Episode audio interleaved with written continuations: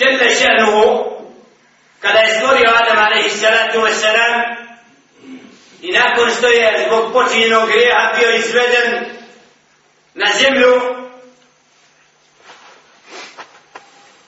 Ulema kaže da u početku njegova života na zemlji i njegovih sinova nije im odmah dolazila knjiga, nego da su bili podučeni i nadahnuti mimo knjige. Kako treba Allahu robovati, kako treba Allahu subhanahu wa ta'ala se pokoravati? I da je to potrajalo jedan dugi period. Bili su na istini, znali su šta je pravi put, nisu imali ko sebe širk, da bi u vrijeme Nuh alaihi salatu wasalam pojavio se upravo taj moment odmetništva i širka. Da su ljudi počeli da obožavaju svoje odabranike od prethodnika koji su pomrli pa nisu mogli zamisliti da žive bez takvih ljudi.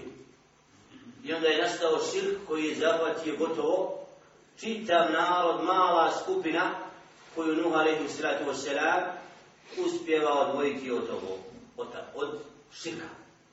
I da je Nuh alaihi sallam prvi poslanik kome je knjiga poslana.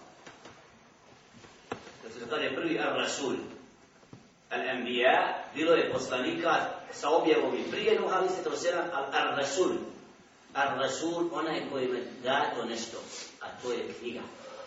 Da je bio prvi Nuh alaihi sallam i da je taj narod vraćajući ga na čistu vjeru pozivao 950 godina da bi na kraju došla naredba Allah subhana, ostavi, neće da prihvate gradi lađu i da Allah subhana tala kasnije taj narod potobio.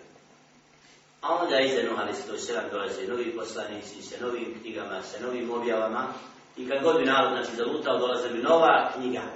Ali ovaj citirani ajet u hutbi govori o što sam istakao, a to je da je narod bio jedno, da nije lutao, da su znali šta je pravi put.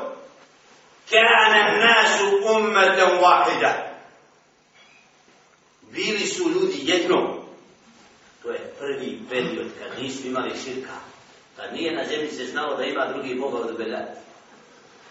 U smislu da nisu izmislili lasne bogove. Nisu robovali nikom do Allahu subhane. bio čovjek grešni, sinovi Adema odmah su napravili, ali nije bilo širka najvećeg griha. Zato ovaj ajetom potvrđuje, kane naši umeten vahide. A onda, febe'at Allahum, pa je onda Allah poslao, a nebiji.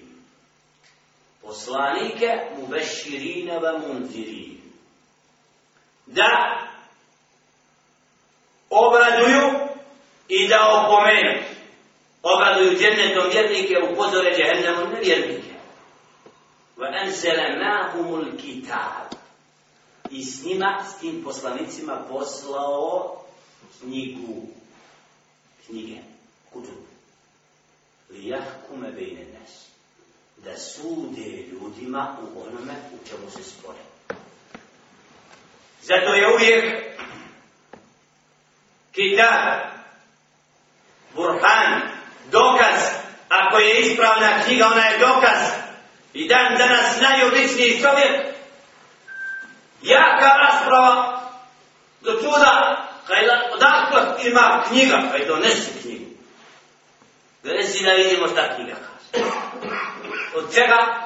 Iako ne, danas će se zavraćati na pogrešan izvor, a ostalo je knjiga da nam presudi.